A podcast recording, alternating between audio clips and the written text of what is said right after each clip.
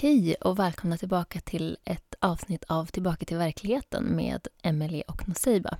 I dagens avsnitt kommer vi hoppa lite mellan massa olika intressanta ämnen. Vi kommer bland annat prata om de utsatta barnen och vad man själv kan göra på individnivå för att hjälpa just dem. Vi kommer även gå in på mytologin kring Medusa, homosexualitet och vad det uttrycket kan vara symbol för. Vi kommer även gå in på om den svarta kvinnan står närmast Gud. Vi kommer även prata om eh, den feminina och maskulina polariteten. Vi kommer hoppa lite mellan de här ämnena men det kommer att eh, vävas samman ändå så jag hoppas att ni hänger med i svängarna.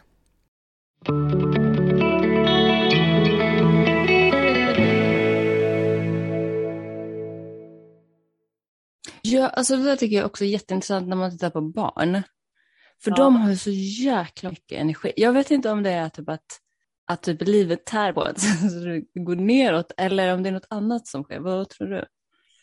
Men jag tror att det där kanske har att göra lite med, de brukar säga det att, eller om vi tittar på våra liv så går ju liksom gamlingarna och småbarnen, de går ju väldigt bra ihop. De brukar ju väldigt ofta liksom uppskatta varandras sällskap och de klickar bra och förstår, du vet, de har mycket tålamod med varandra eller sådär. Och det handlar väl om att de är liksom närmast andevärlden. Medan vi som är i medelåldern, eller 30, 40, 50, 60, vi är ju liksom mest i världen. Och liksom längst ifrån andevärlden. Medan de jättesmå och de gamla, de är liksom, de har precis kommit därifrån slash är precis på väg tillbaka. Åh gud, jag har aldrig tänkt på det så. Jag måste processa lite. Det är därför de går så bra ihop. Och det är därför vi liksom inte riktigt står ut med, med dem, eller vi förstås inte på dem heller. Du vet, eh, ja, men att vara i världen eller att vara liksom för fäst vid just världen, the world. Och alltså den här våra, the Maya, liksom, illusionen av att vi skulle vara, att vi skulle vara bara här. Den är som starkast liksom i våran ålder. Då har vi då har vi varit här ganska länge, ganska lång tid innan vi ska härifrån. Och det handlar ju om att så här, hur, ska vi, ja, hur ska vi ta hand om oss själva på det här planet? Liksom? Måste vi tjäna pengar, måste ha någonstans att bo. Vi har ju kanske barn då eller föräldrar som vi ska ta hand om och det allting blir väldigt praktiskt eller väldigt jordiskt så att säga. Den mörka människan är liksom närmare originalet på något vis och lite mer, det är lite mer power i dem än vad det är i, i de ljusare. Det är Va? Det här är helt nytt för mig. men det där är ju en annan sak som handlar om att allting är upp och ner, du vet. Man kommer in på rasism och sådana här saker. Att vi, vi har fått uppfattningen om att det skulle vara dåligt att vara mörk då. Eller att det är fint att vara ljus och vit och sådär. Det är bara för att Mm. allting är upp och ner. Och det är därför du vet, Afrika eller mörka och bruna kulturer eller platser i världen är som, de är liksom hårdast förtryckta. Det är för att de är Mm. starkast. Det är för att de har mest power liksom.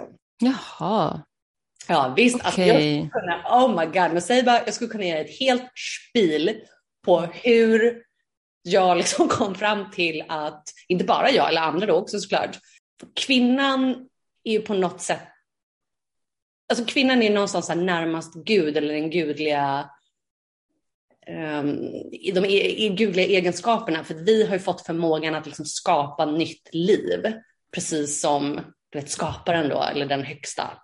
Och alltså lång historia kort så är den svarta kvinnan är Gud, eller närmast Gud och kraftfullast. Och det är därför hon på något vis är liksom mest förtryckt. Ja, Jag känner, mig, jag känner att jag får en rejäl ego boost när du säger så. Ja, det kanske, det kanske skulle passa, kan man skulle passa sig för.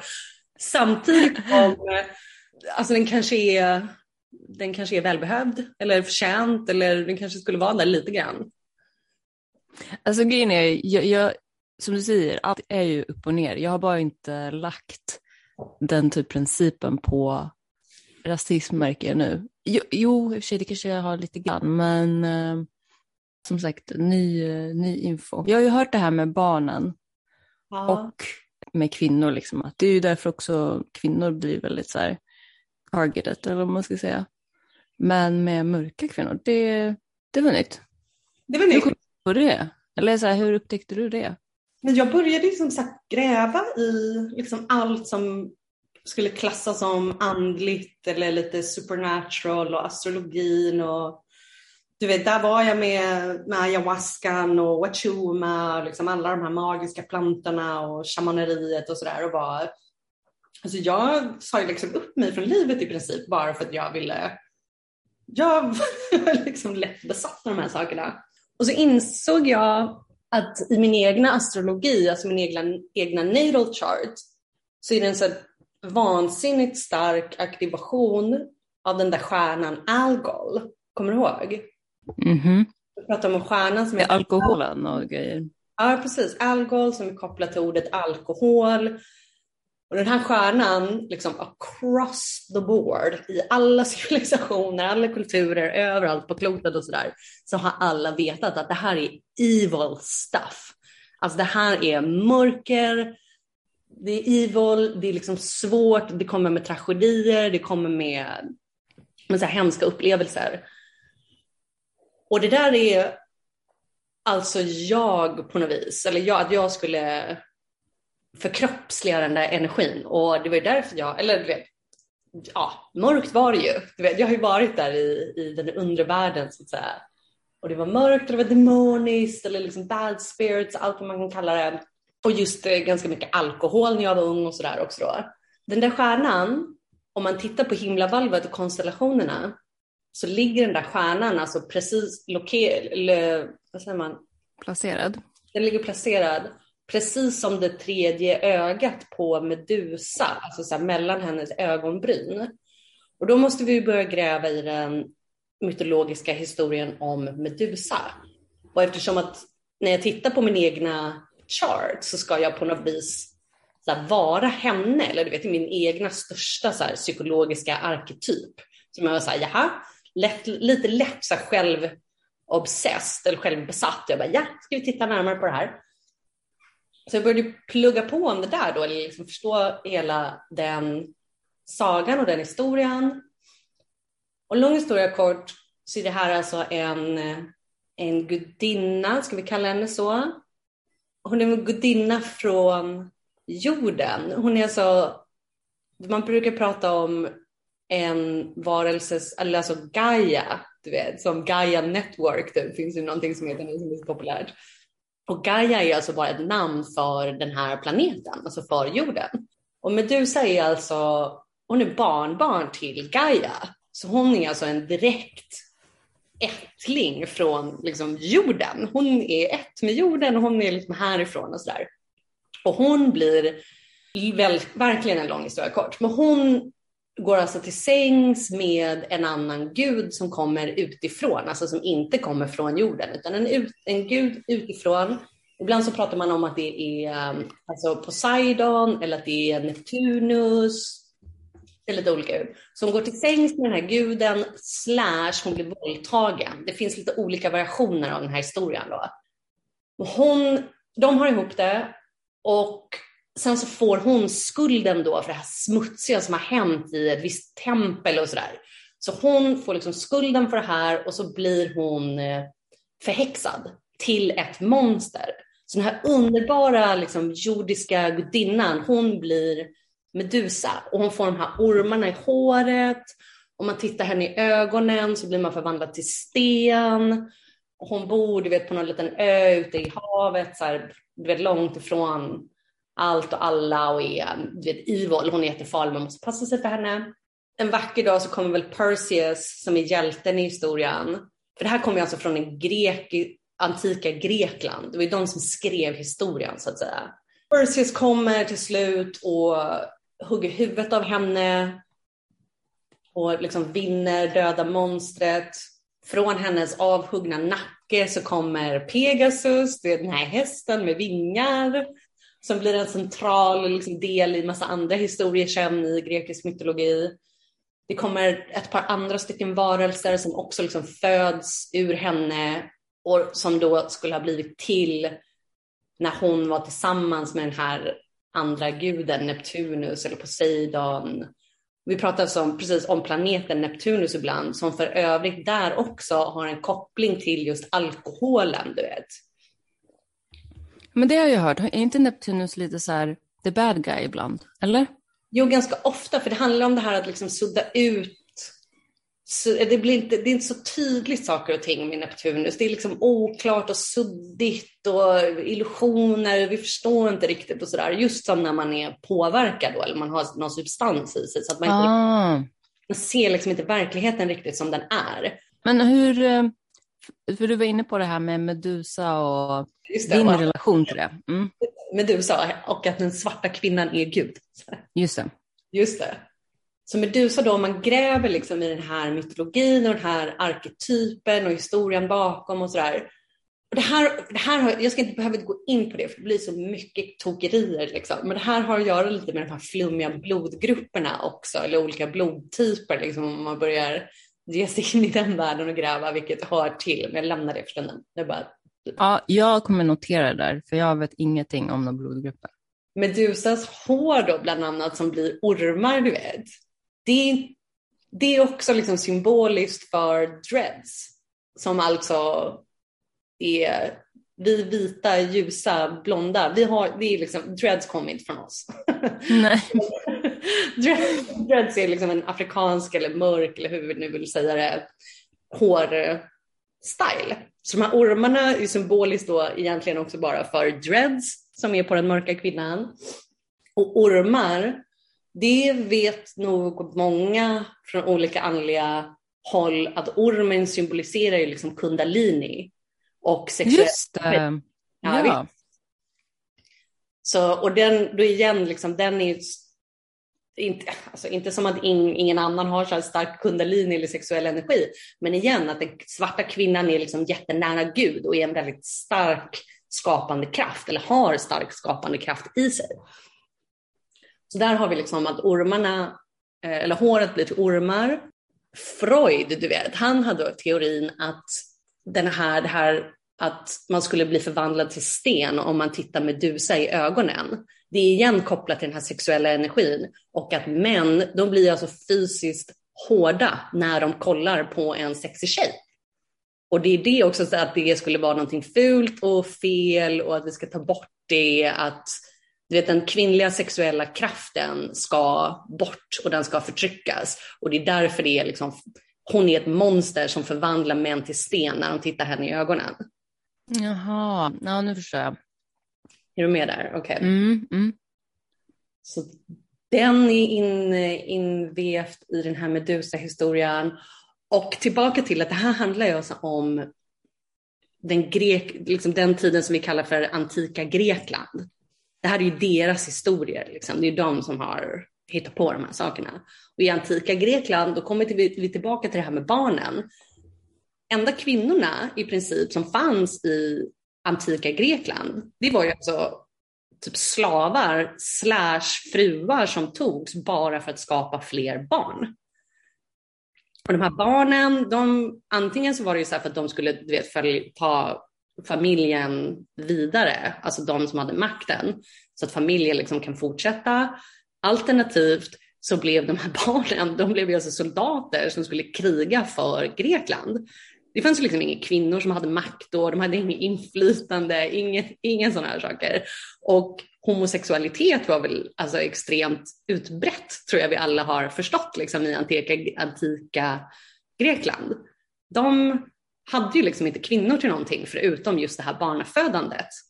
Och då så var det alltså vissa kvinnor som inte ville leva i det där, som antingen liksom flydde slash blev avvisade. Och de flydde alltså till en ö utanför Grekland där det blev liksom bara tjejer som bodde, bara kvinnor, eller det var ett, vad ska man säga, ett kvinnligt, kvinnligt community. Där de alltså bodde själva utan män och de dyrkade alltså den här gudinnan Medusa. De hade dreads själva och sådär. Och den här ön som de flyttade till, den heter, den finns fortfarande, den heter Lesbos. Och det är alltså här, ja, och det är alltså härifrån vi får uttrycket att kvinnor som är med kvinnor är lesbiska. Jag känner igen, jag vet inte var jag har hört den här historien, men eh, den verkligen så här rings a bell. Jag känner igen det, jag har hört det här någonstans. Ja, och liksom 100% super trigger warning, varning. älska alla kan man ju göra, det vet vi ju, för älska kommer från hjärtat, vi kan älska alla och sådär. Men när det gäller liksom, hur vi använder sexuell energi och sådär, så, skulle jag, så ser jag på det ganska mycket som att när två kvinnor gör det, så är ju det lite, lite kopplat till att det finns någon typ av trauma gällande den maskulina principen. Mm. Och det är liksom att det återspeglas i den här historien då om hur alltså, kvinnor var tvungna att fly från männen i Grekland och bodde själva på ön Lesbos liksom, och dyrkade den här Medusa, alltså kvinnlig sexualitet som blev förtryckt och förvrängd och använd bara för att föda barn som skulle dö som soldater. Alltså förstår du? Det är, det är bara så, det är så keft liksom. Det är så evil. Det är så evil. Men verkligen. Men du tänker då typ att att det traumat sitter kvar i ganska många och eh, tar sig fortfarande uttryck på typ liknande sätt. Ja, men lite så. Mm.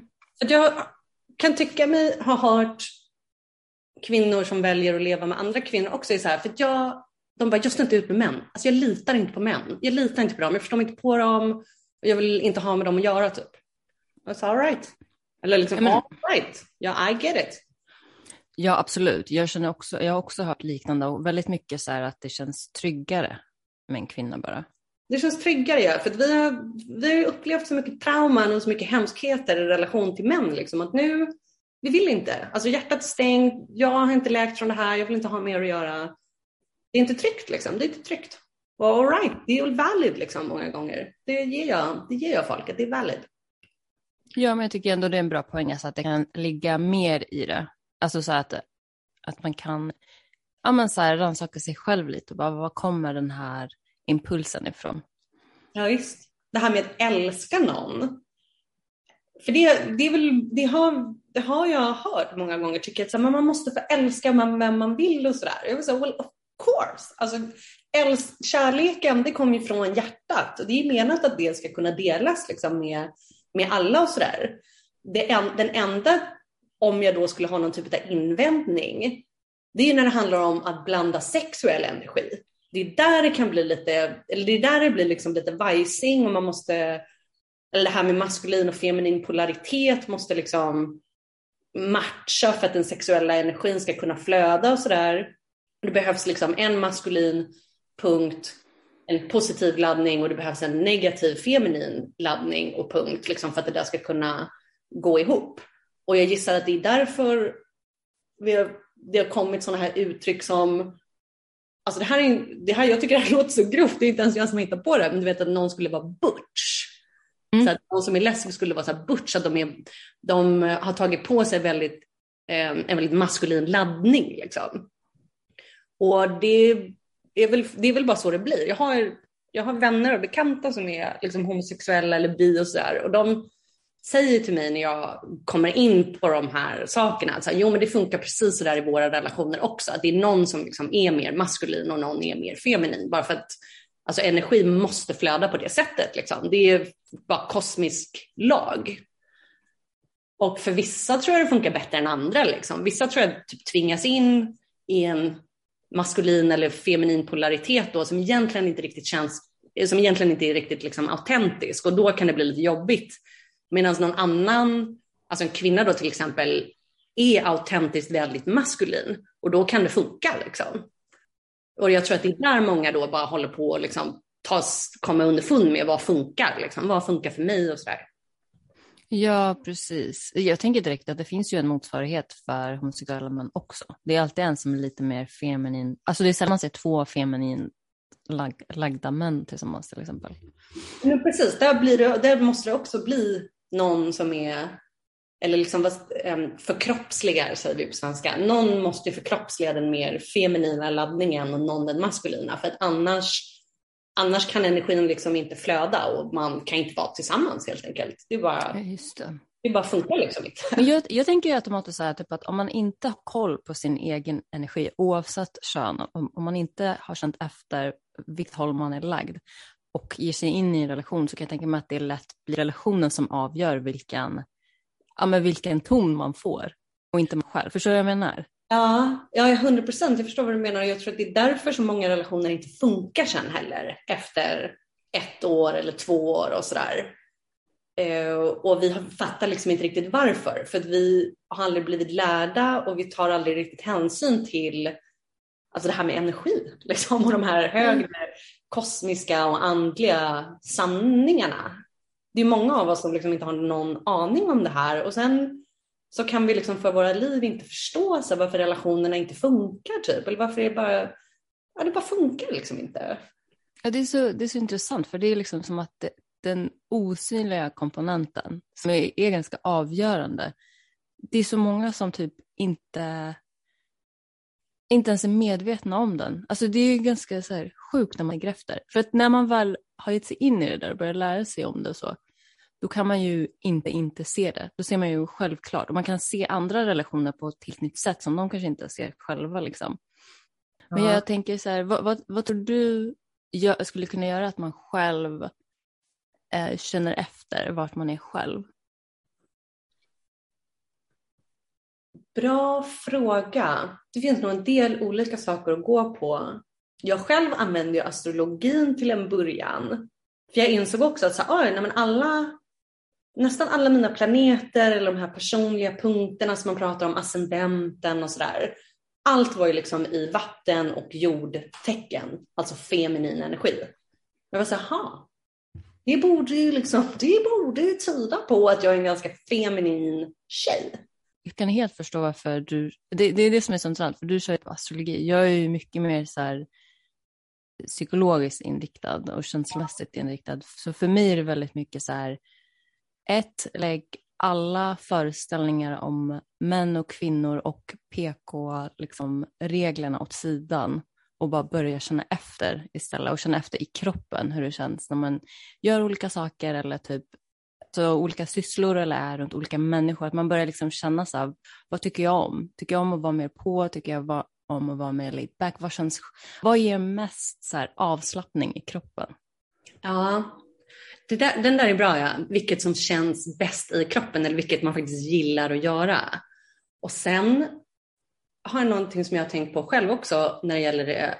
Det är att bara göra klart för sig själv, alltså, vet, man kan söka på nätet, man kan lyssna på oss och sådär. Bara, vad är feminint och mas versus maskulint uttryck? För att om vi inte ens vet vad som liksom går under den maskulina principen eller den feminina principen, hur ska vi då liksom veta? Så att mer liksom, i den rationella tanken också bara kunna veta lite att så, aha, städa och göra fint hemma, det är feminint. Att tänka på min karriär och liksom någon typ av legacy eller min status ute i världen, det är maskulint. Okej. Okay.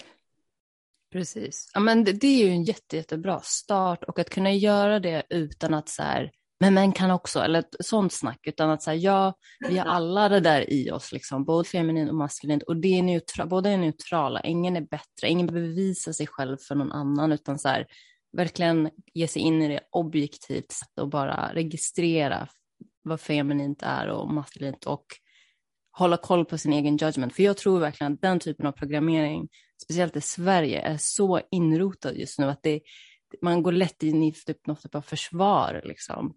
Istället för att bara så här, så här är det bara. Det är, inget, det är inget positivt eller negativt, det är bara så det ser ut. Det är en bra poäng.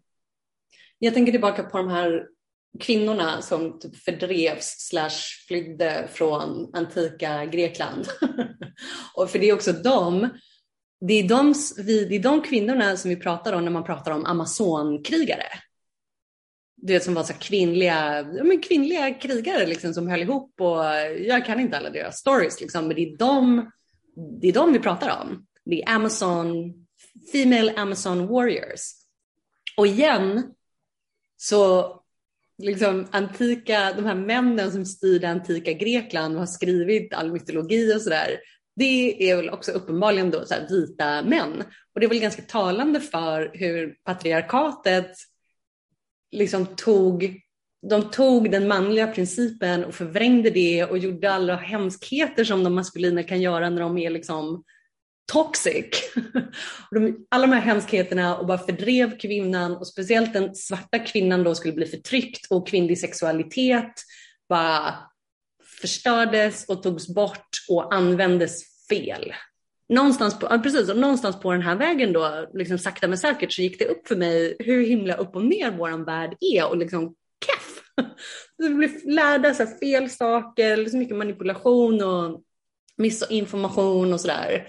Och tillsammans med lite annat då så liksom gick det nog upp för mig att så här, jo men okej, det är liksom den svarta kvinnan som är mest kraftfull i, and, liksom i andliga termer eller i and, liksom andliga ska vi säga, sammanhang eller egenskaper. Alltså, då tänker jag direkt så här, innebär det då att kanske den vita mannen är typ längst ifrån och det är därför de försöker så här, överkompensera på något sätt? Eller ja. har gjort det genom historien ja. och nu fortfarande? Ja men det tror jag, apropå att allting är upp och ner. Så att mm. om den svarta kvinnan då är liksom starkast eller mest och sådär, inte för att säga att hon är bättre, vi bara, liksom, bara observerar fakta typ. Det skulle ju då betyda att motsatsen till det, som är en vit man, ja, han är liksom längst ifrån Gud på något vis. Men alltså du vet, alltså, hörni, vi tycker om, alltså jag tycker om er så himla mycket också alla vita män. Min pappa är en vit man, han är jättefin och full. han är jättefull och stark och jag uppskattar honom så himla mycket och sådär. Alltså grejen är, ja det kan vara värt att poängtera, vi pratar ju jättegenerellt nu. Det är liksom inte... ja, eller generellt är ju typ inte ens ordet. Alltså det här är ju jag vet inte, andliga musings. Liksom. Eller det... Um. ja. Nej, men det är alternativa perspektiv bara, så kan vi säga. Det är liksom inga hardcore sanning. Alternativa perspektiv och filosoferande. Men vet du vad jag har hört om vita män? Nej, vad har du ehm, hört? det, det, jag var på en demonstration och så träffade jag ett kanadensiskt par och eh, jag började prata, eller den här, den kvinnan då började prata med mig. Vi gick ganska rakt på sak, så det här är någon jag aldrig har träffat innan eller sådär. Och hon, hon pratade om att, eh, om att du vet varför världen är så upp och ner. Det här är liksom en anti-covid-pass-demonstration. Och jag bara, nej vadå då? Hon bara, ja det är så här att, eh, det var verkligen så här vår, vårt samtal gick så här. Ja det är för att utomjordingarna satte vita män här. De har förstört planeten. Så här. Jaha. Men girl, jag har, alltså jag har hört liknande saker. Eller är det så? Ja visst, inte bara så hört dem utan typ börjat så lägga ihop ett och annat själv.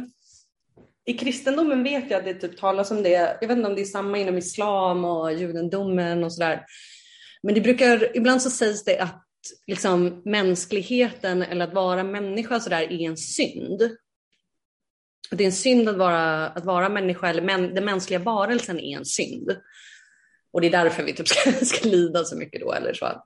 Just det. det där tror jag alltså, eller då har jag alltså fått en uppfattning om att precis, det är liksom, då drar vi in i utomjordingarna i, i det hela. Att den mänskliga varelsen skapades mot Guds vilja eller utan liksom, godkännande från den högsta. Och det är därför det sägs att bara vår existens är en synd. Mm. Mm.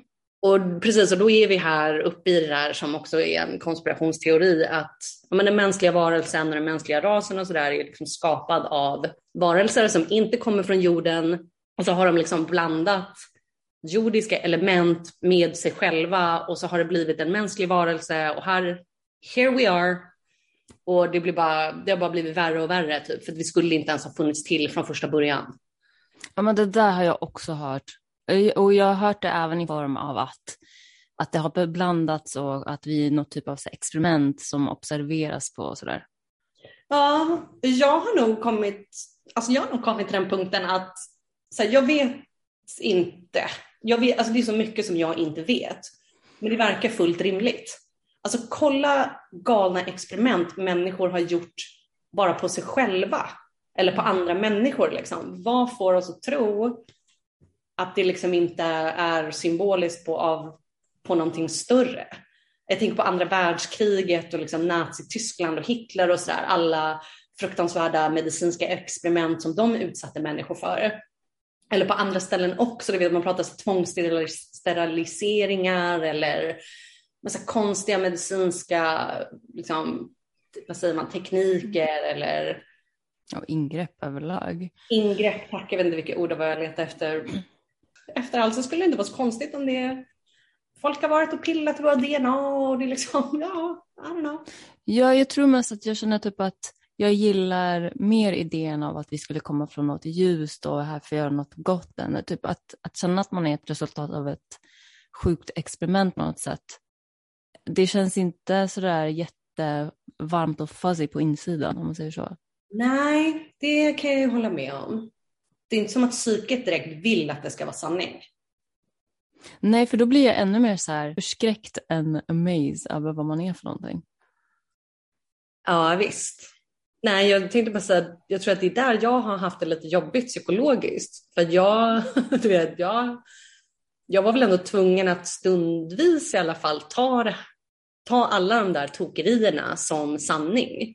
Och precis som du säger, det är så här, det här det känns inte så warm and fuzzy. Liksom. Det, det känns inte så härligt att liksom, vad säger man, eh, underhålla den här tanken, de här tankarna som verklighet. Och det var där jag fick det lite jobbigt ibland. Men det kan jag helt förstå. Jag kollade på eh, en kvinna som pratade eh, och hon hade tagit DMT väldigt mycket av det. Och hon sa att hon kom till en, eh, inte en dimension, men en, en annan ja, men en annan dimension typ, där det var massa varelser och hon, såg, hon kunde liksom se hur de hade skapat människan och, och, och, att det här var något resultat av, att den här världen var ett resultat av något sjukt experiment. Och hon var, är ju helt traumatiserad, den kvinnan, liksom, och vill inte leva och vill önska att hon inte visste det hon visste, för det har liksom rubbat hela hennes eh, världsbild.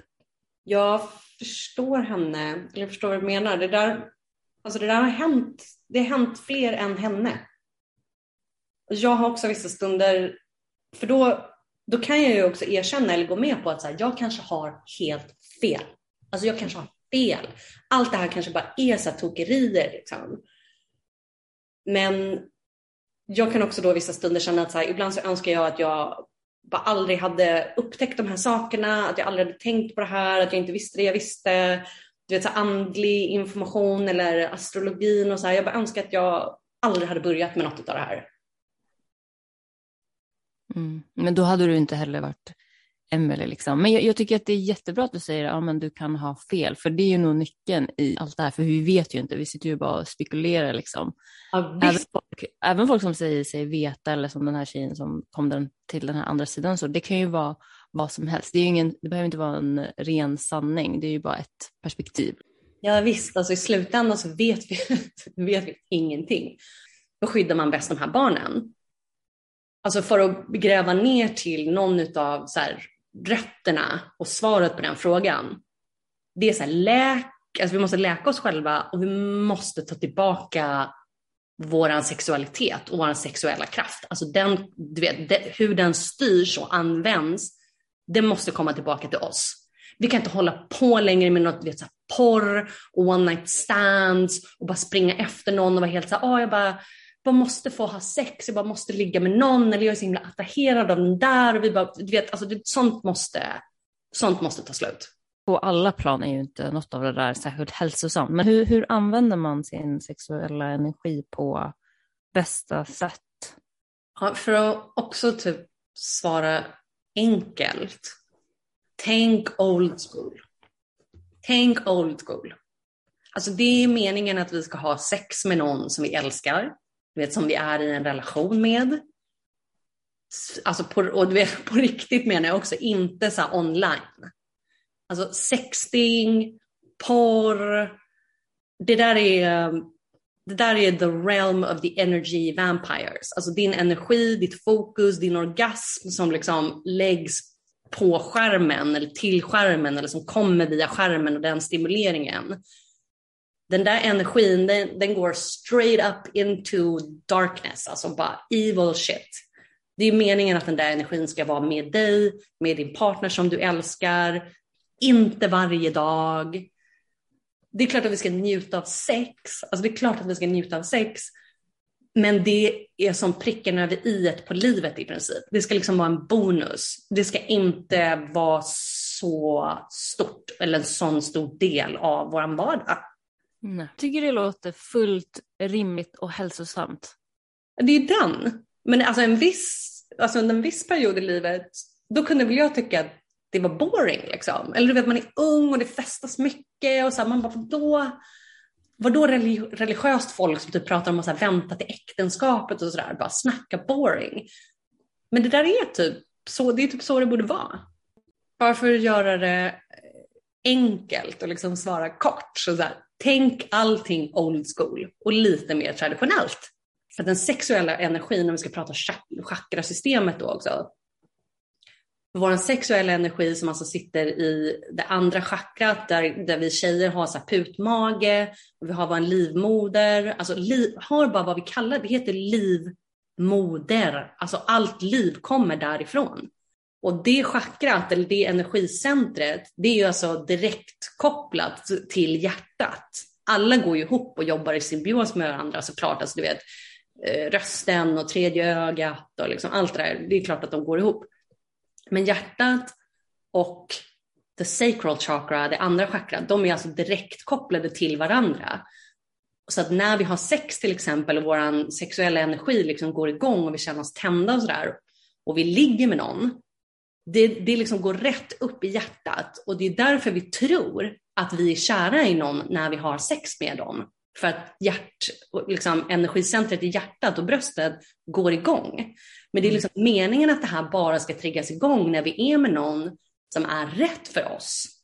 Så att när det här, när vi till exempel då använder vår sexuella energi och den triggas igång, vi till exempel tittar på porr, alltså det, det fuckar upp vårt hjärta. Mm. Vi kan inte älska ordentligt, vi kan inte ta emot kärlek från någon annan ordentligt, vi kan inte ge det vidare till någon annan ordentligt och våra liv, vi själva och världen och alla dessa barn, det blir kaos för oss.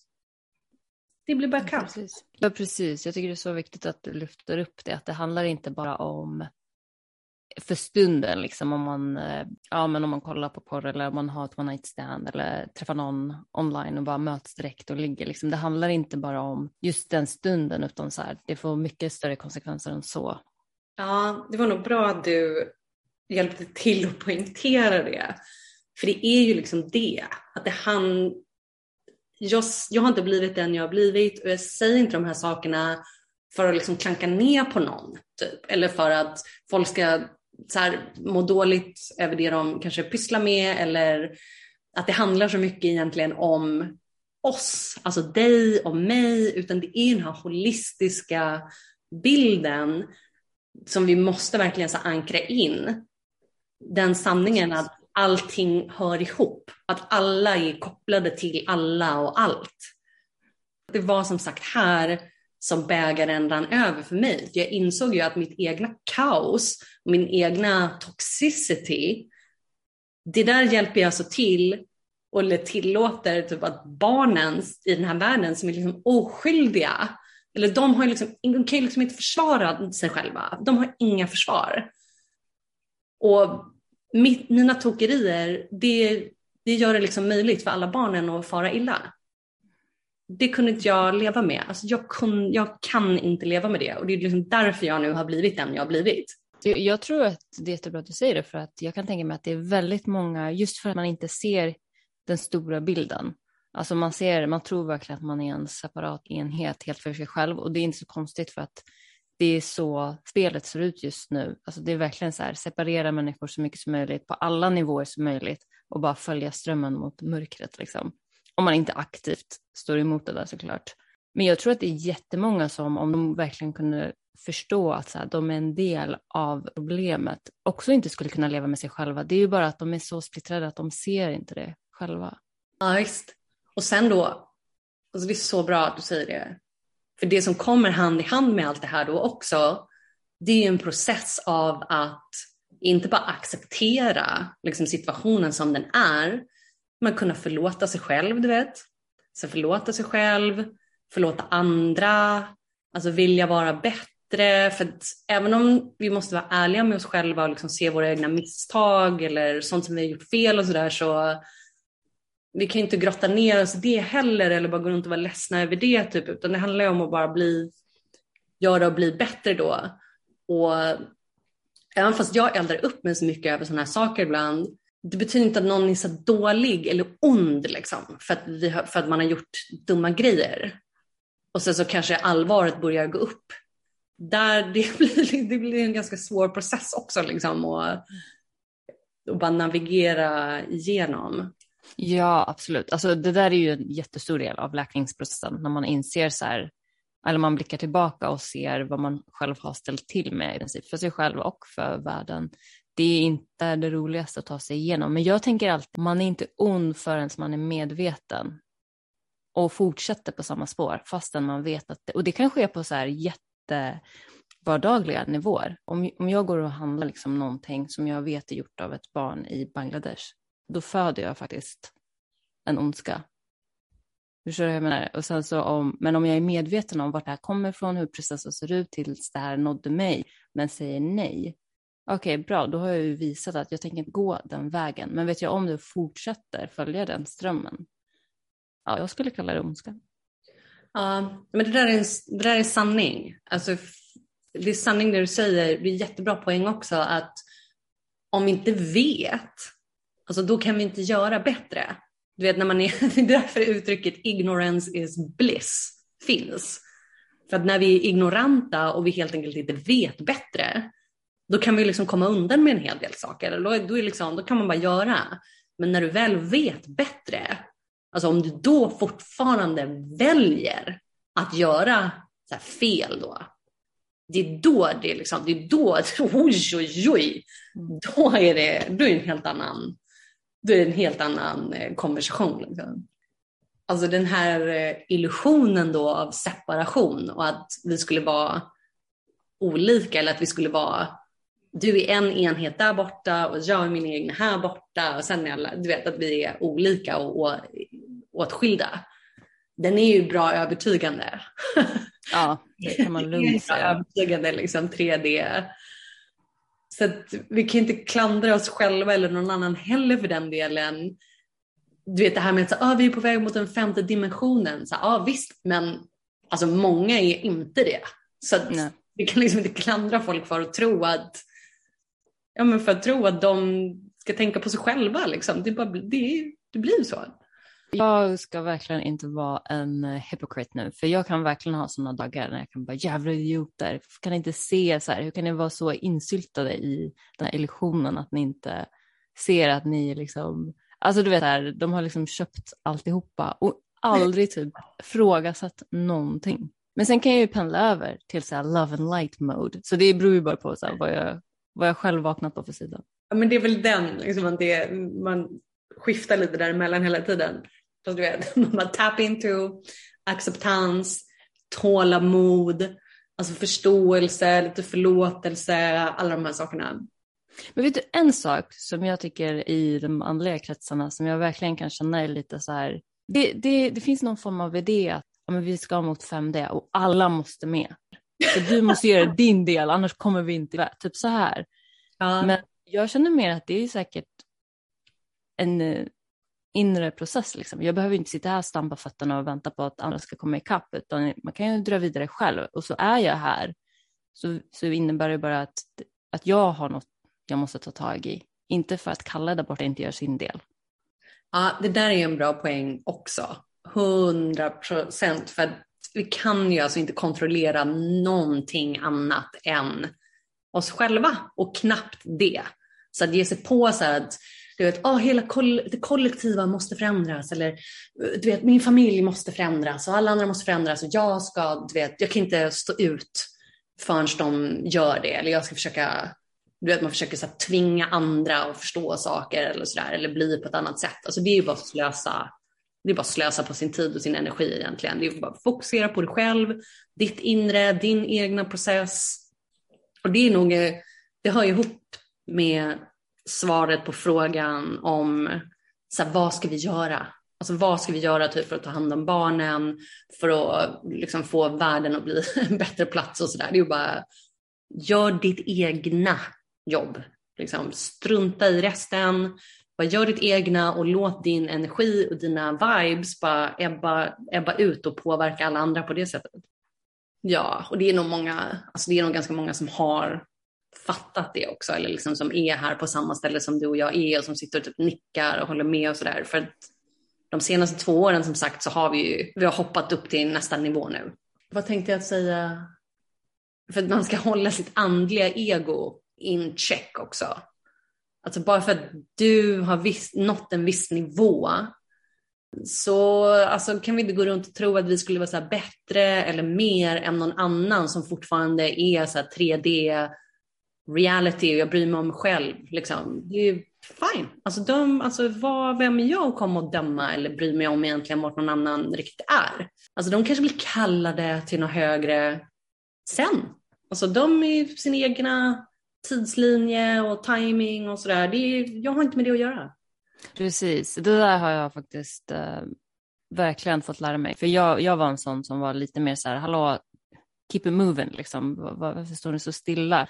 Men mm. eh, ett som du säger, det är ju så slöseri på ens egen energi att ens försöka påverka det där. Och sen, exakt som du säger, så här, it's none of my business. Det har ingenting med mig att göra och min väg att göra, utan så här, man får lita på att deras process sköter sig och min process sköter sig. Ja, visst, det är där igen. Du är inte, vi är inte Gud. Liksom. Lämna, det där, lämna det där till den där personen och Gud. Alltså gå vidare och gör ditt. Ja men vad bra. Vi kanske ska avrunda här. Ja, jag tycker det. Det är så mycket